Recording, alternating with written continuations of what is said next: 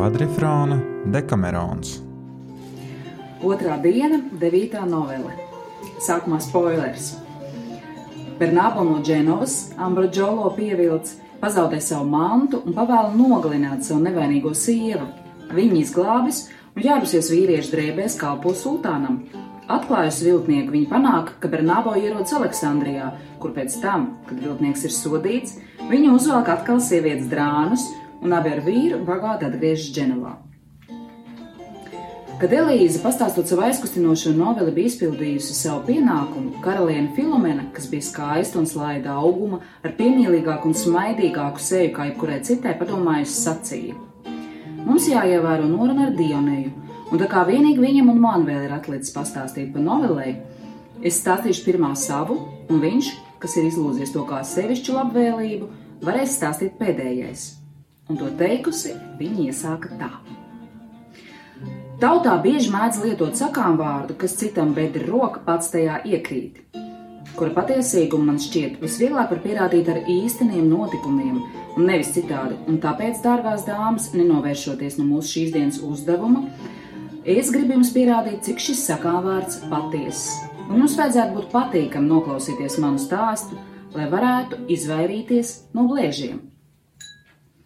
Kādā Parīzes viesnīcā bija apmetušies vairāki lieli itāliešu tirgotāji, dažs vienas, dažs citas vajadzības dēļ, nu kā jau tas mēdz būt.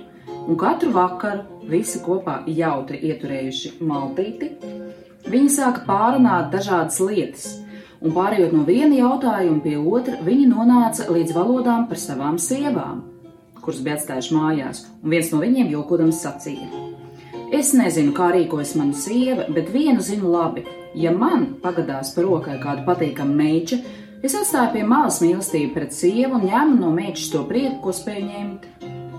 Otrs piebilda: Es rīkojos tāpat, jo ir tā, ja man šķiet, ka mana sieva nododas mīlas dēkām, tad viņa tā dara, bet ja man tā nešķiet, viņa tik un tā to dara. Un tāpēc mēs atmaksājam ar to pašu. Kā ēzeles spērpasienu, tā atbalsojas. Trešais runātājs izsacīja gandrīz tādu pašu domu. Īsi sakot, visi likās esam vienas prātas, ka viņu mājās atstātās sievas nedomā zaudēt lieku laiku. Tikai viens, vārdā Bernābo Lomelīno no Dženovas, sacīja pretējo, apgalvodams, ka viņam ar sevišķu dieva žēlastību ar sievu ir tā paveicies, jo viņai vislielākajā mērā piemītot visi tikumi, kas ir nepieciešami sievietei un vēl liela daļa bruņinieku un ieroču nesēju īpašību. Varbūt visā Itālijā nesot otras tādas sievietes, jo viņa esot skaista, vēl ļoti jauna, izveicīga un spēcīga, un nesot neviena sieviešu darbu, nu, kā zīda darbi un tam līdzīgi, ko viņa neveiktu labāk par jebkuru citu. Turklāt tas apgalvoja, ka neatradīšoties neviens bruņnesis, tas ir kalpotājs, kurš mācētu labāk apkalpot savu senioru pie galda jo viņa esot ļoti labi audzināta, gudra un ļoti attapīga, arī atturīga. Beidzot, tas uzteica viņas prasmi lieliski jāt un turēt medību vanagu, kā arī viņas māku labi rakstīt, skaitīt, lasīt, labāk par jebkuru tirgotāju, un tad pēc daudzām citām uzslavām tas nonāca pie pašreizējā saruna temata un ar zvērstu apliecināja, ka nesot iespējams atrast godīgāku un likumīgāku sievu. Tāpēc viņš esot pilnīgi pārliecināts, ka viņa nekad neielaistos nekādās dēkās ar citu vīrieti, nu, pat ja vīrs desmit gadus vispār neatgrieztos mājās. Šo tirgotāju vidū, kur tā sprieda, bija kāds jauns tirgonis vārdā Ambra Džolo no Piečences, kas par pēdējo Barnabo uzslavu sievai sāka smieties pilnā kaklā un zobodamies sacīja, vai tad ķeizars viņam piešķīrs lielākas priekšrocības nekā visiem citiem vīriešiem.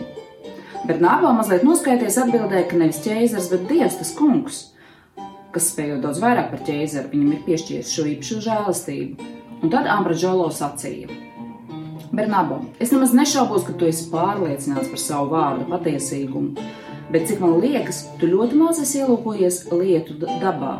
Jo, ja tu būtu to darījis, es nedomāju, ka tu būtu tik nesaprātīgs, lai nepamanītu daudz ko tādu, kas liktu tev atturīgāk runāt par šo tematu.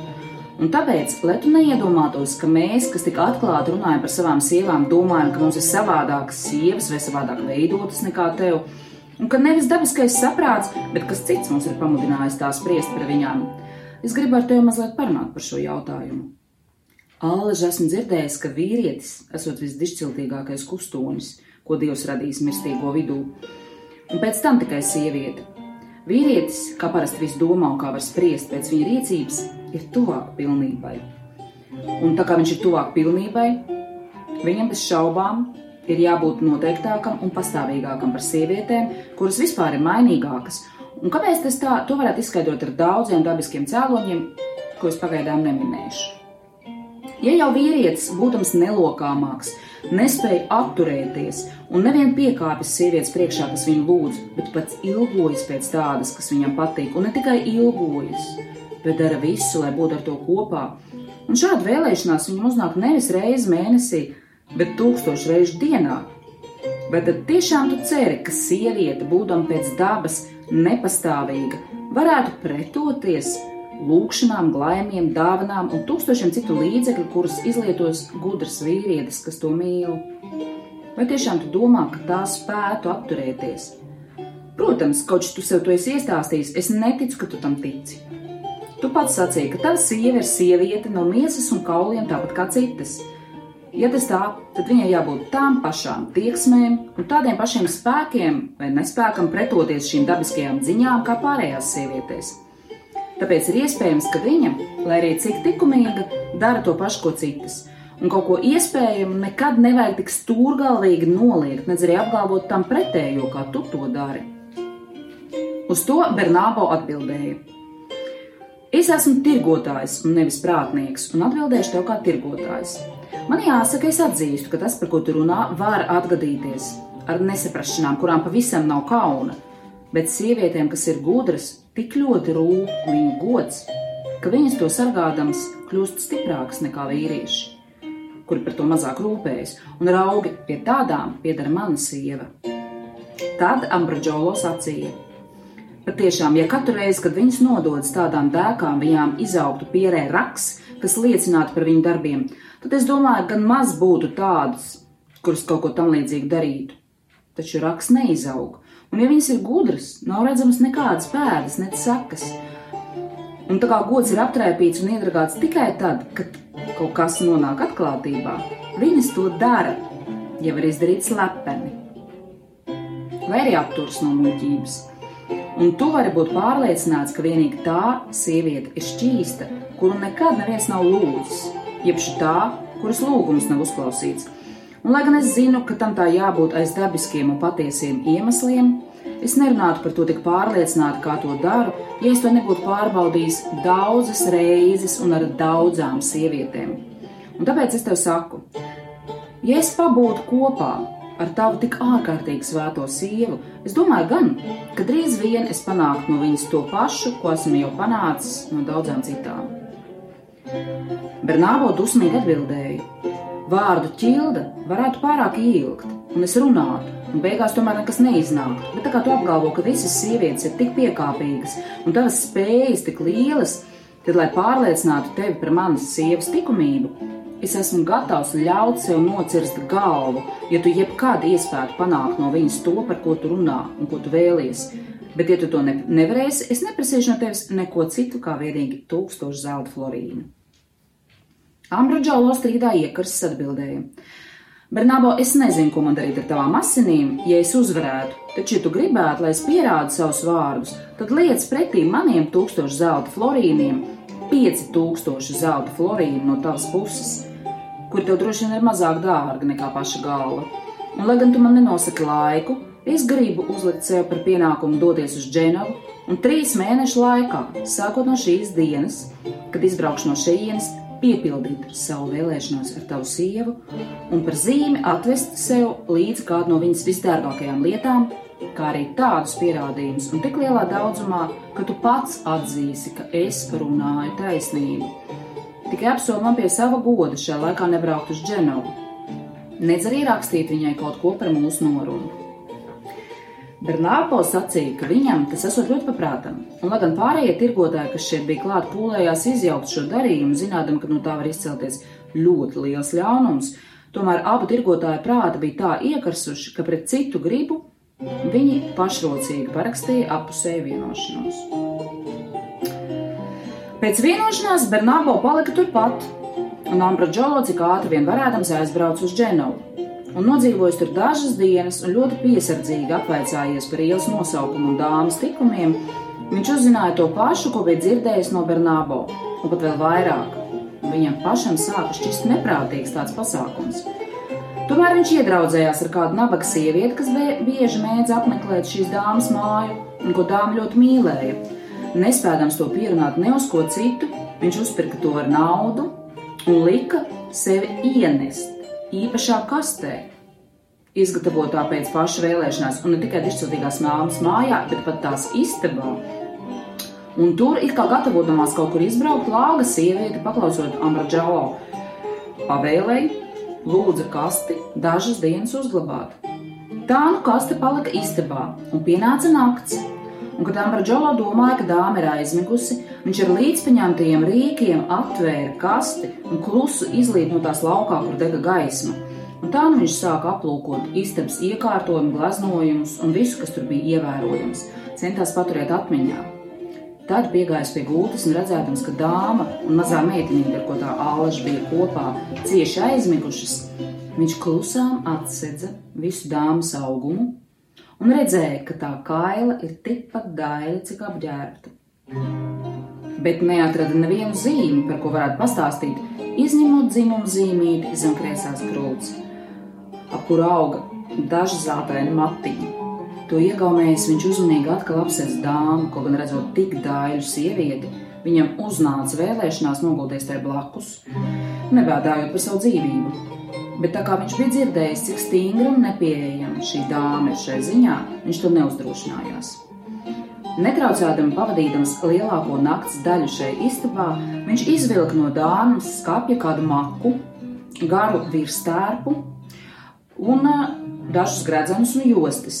Un visu noliec savā kastē, pats ielīda tanī un tu aizslēdz kā iepriekš. Tā viņš darbojās vesels divas naktis, dāmai neko nepamanot.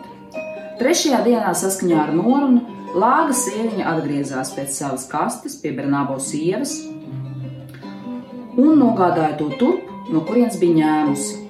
Ambrodžolo izkāpa no kastes un atlīdzināja sievietei, kā solījis, cik ātri vien spēja ar minētajām lietām atgriezās Parīzē pirms nosacītā laika. Šeit sasaucas tirgotājs, kas toreiz bija viņa ķildes un derību aculiecinieki, Viņš Bernābo klātbūtnē pavēstīja, ka ir uzvarējis derības, jo esot panācis to, par ko lielījies. Un, lai to pierādītu, Ambra Džolo vispirms izstāstīja, kāda izskatās dāmas guļamistaba un tās gleznojuma. Pēc tam parādīja dāmas lietas, ko viņš bija paņēmis līdzi, apgalvodams, ka dāma pati viņam to uzdāvinājusi kā mīlas velti.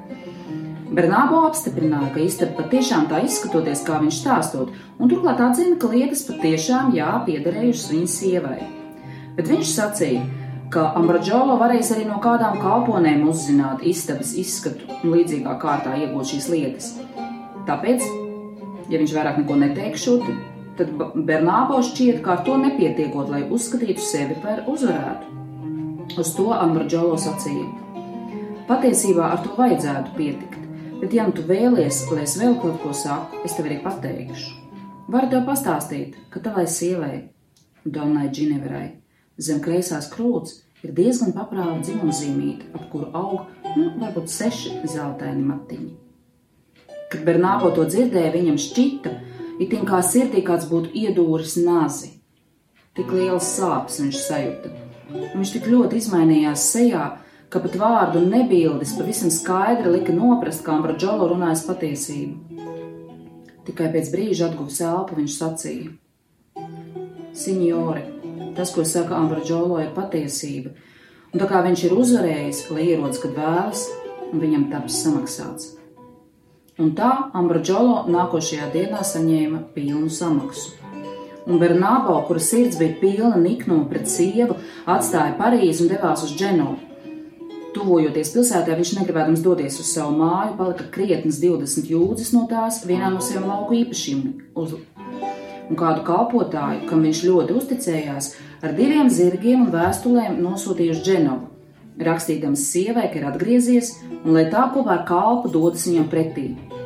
Bet kalpam slepeni pavēlēja, tiklīdz tie nonākšot kādā vietā, kas tam liktos piemērota, bez žēlstības nogalināt kundzi un tikai tad atgriezties pie viņa. Kad kalps nonāca Dženovā, atdeva vēstules un izpildīja visu uzdoto, dāma viņu saņēma ar lielu prieku, un nākošajā rītā uzkāpusi zirgā reizē ar kalpu devās ceļā uz minēto īpašumu.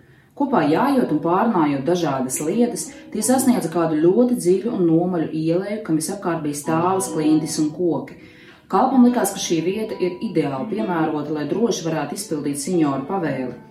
Viņš izvilka nāzi un satvērs dāmu pie rokas, sacīja: Kundze, uzticiet savu dvēseli dievam, jo jums šeit pat, nedodoties tālāk, ir jāmirst.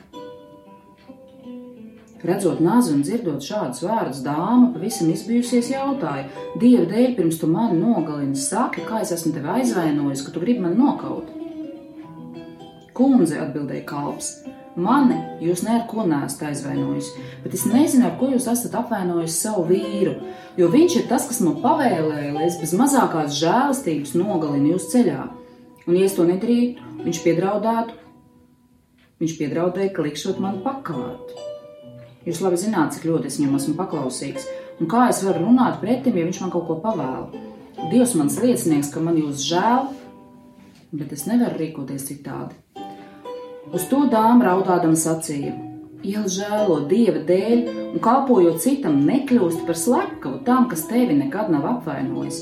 Dievs, kas redz visu, zina, ka es nekad neesmu darījusi neko tādu, lai būtu šo pelnījusi. Būtu pelnījusi, ka vīrs man tā soda.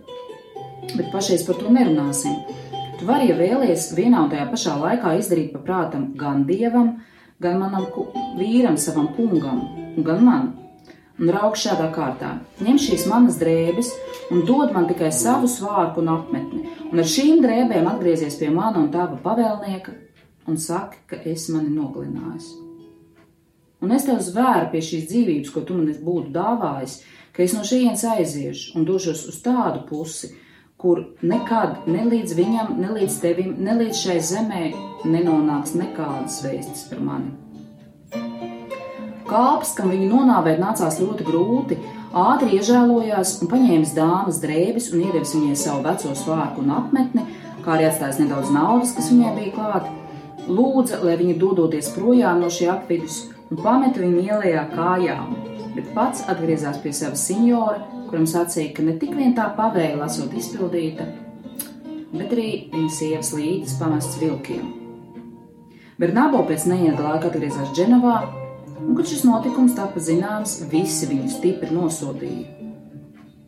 Dāma palikusi viena un izmisusi, tiklīdz iestājās nakts, cik varēdama izmainījusi savu izskatu, aizgāja uz kādu nelielu ciematu turpat tuvumā, un no kādas vecinītes dabūjusi visu nepieciešamo, viņa pāršuva svārku savam augumam, saīsinot to, un no sava krēkla uzšuva bikšu pāri un apgrieza matus, un tādā kārtā kļuvusi pēc izskata līdzīga jūrniekam, devās uz jūru, kur nejauši sastapa kādu katalāniešu augstumani, kuru sauca par senjoru Enkarāhu, kurš bija nokāpis no kāda sava kuģa, kas atradās netālu no šejienes albā un atnācis šurp atspērdzināties pie avota.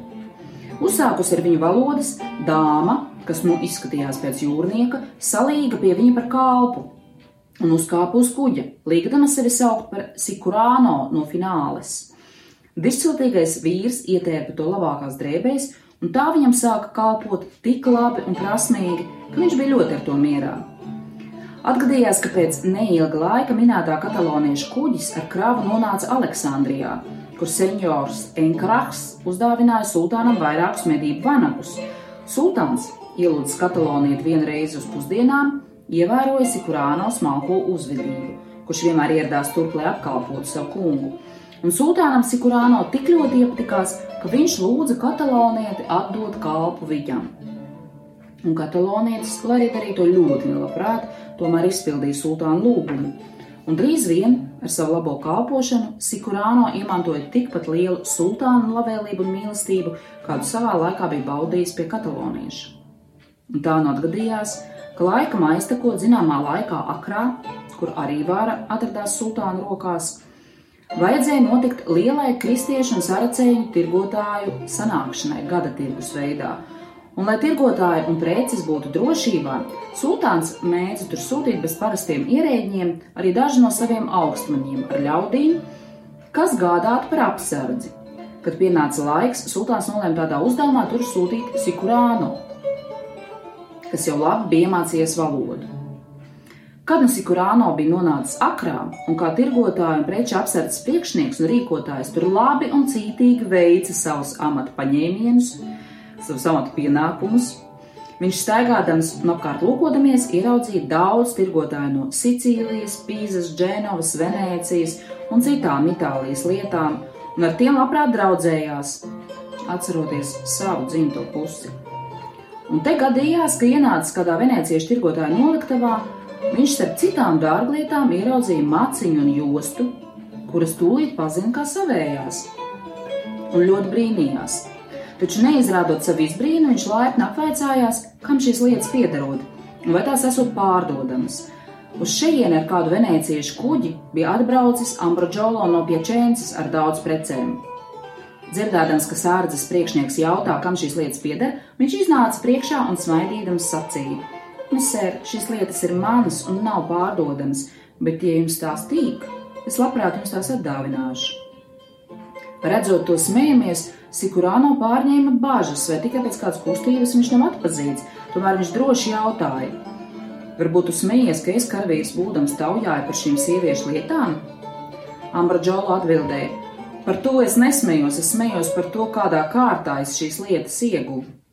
Un uz to Sikurāno prasīja: Nu tad, lai Dievs tev palīdz pastāstīt, kā tu tās ieguvi, ja vien vari par to runāt.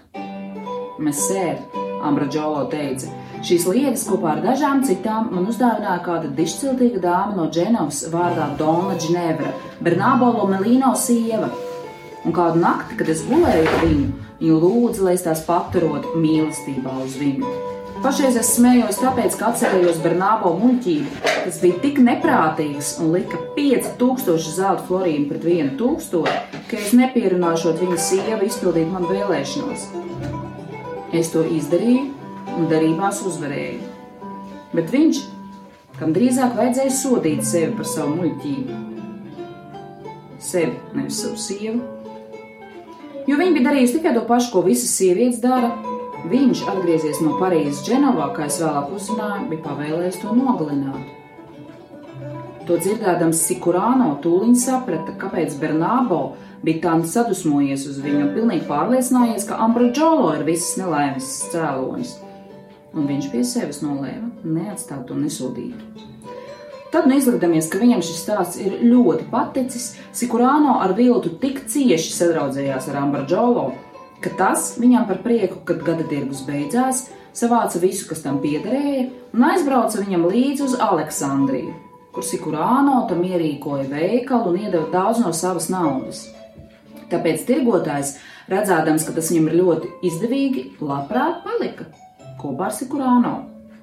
Bet Sikurāno, vēlēdamies pārliecināt Bernābo par savu nevainīgumu, neapmierinājās ātrāk, kamēr ar dažu lielu dženoviešu tirgotāju palīdzību, kur tolaik atradās Aleksandrijā, izdomādams allaži jaunus un jaunus iegānstus, piespieda Bernābo arī atbraukt turp.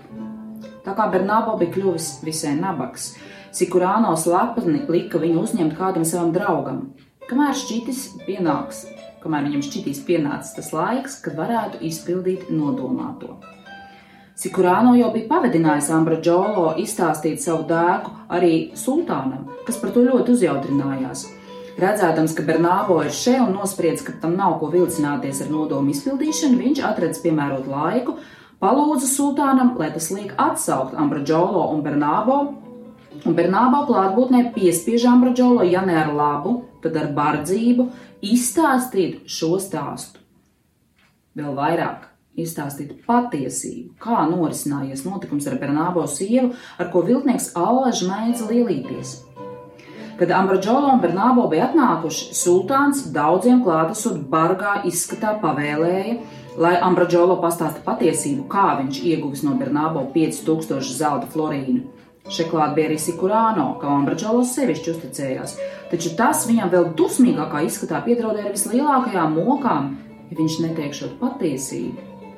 Tāpēc Ambrožolo, kam draudēja gan no vienas, gan otras puses, un kas tādā kārtā bija savā ziņā piespiests stāstīt, Bernābo un citu klātbūtnē atklāja visu, kā bija, cerēdams, ka viņam nepiespriedīs citu sodu, bet vienīgi liks atdot 5000 zelta florīnus atpakaļ Bernābo.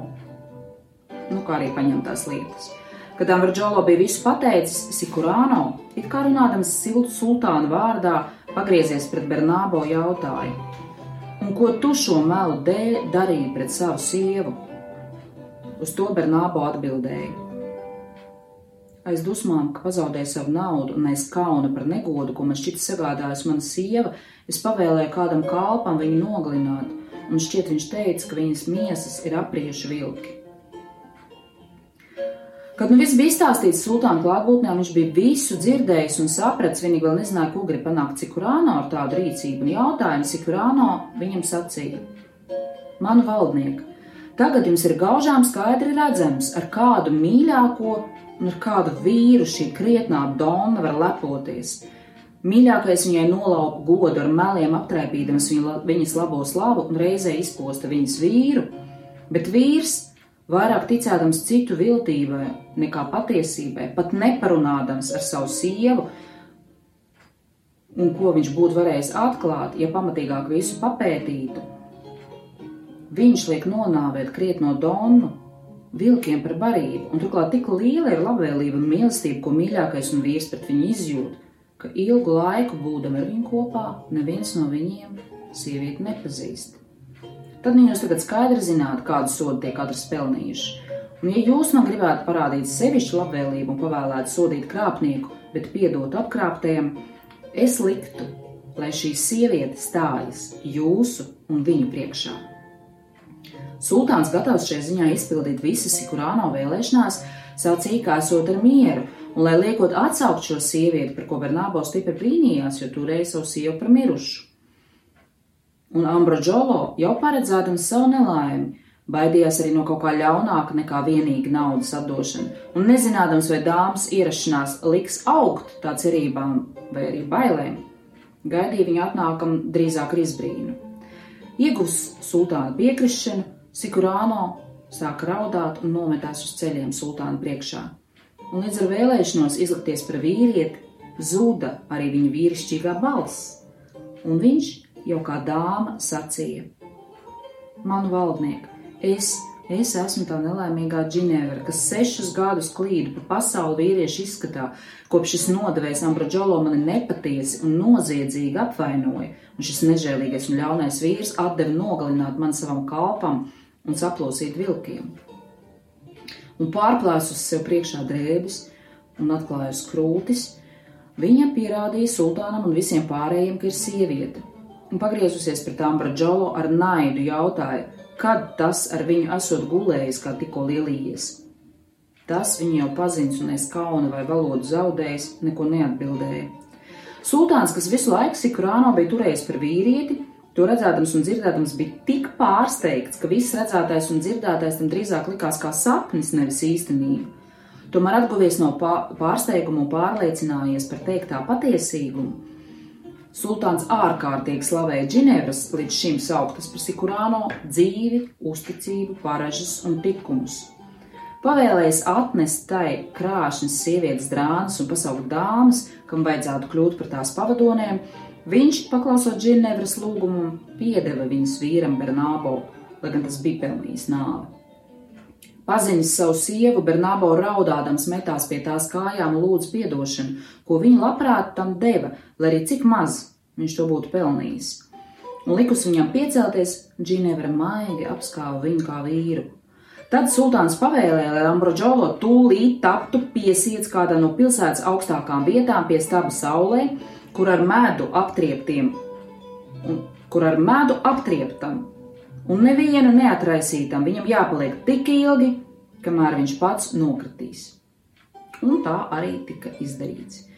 Pēc tam sultāns pavēlēja atdot dāmai visu, kas piederēja Ambra Džolo, un kas nebūtu nebija tik maz, jo vērtībā pārsniedza desmit tūkstošus dublonu un viņš lika sarīkot lieliskas dzīves, un tajās godināja Bernābo kā Donnas Džinevras vīru, un Donu Džinevru kā viscildināko sievieti, un uzdāvināja tai tik daudz dārglietu, zelta un sudraba trauku un skaidras naudas, ka tas viss vērtībā pārsniedza otrus desmit tūkstošus dublonu.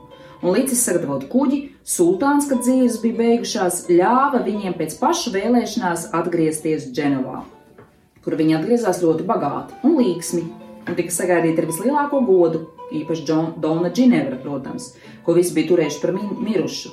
Un kamēr vien tā dzīvoja, visi bezgala cildināja šīs sievietes lielo likumību, bet Ambra Džolo, Ambra Džolo tika piesiets pie staba un aptriepts ar medu, un vēl tajā pašā dienā mušas, lapsenes un dunduri, kur šai zemē bija pa pilnam, viņu ne tik vien nobeidza, sagādājot viņam milzīgas mokas, bet pat apēda līdz kauliem, Šie kauli, izbalējuši un cīpsli saturēti, vēl ilgu laiku neaizskarti liecināja ikvienam, kas tos redzēja, par viņa ļaunprātību.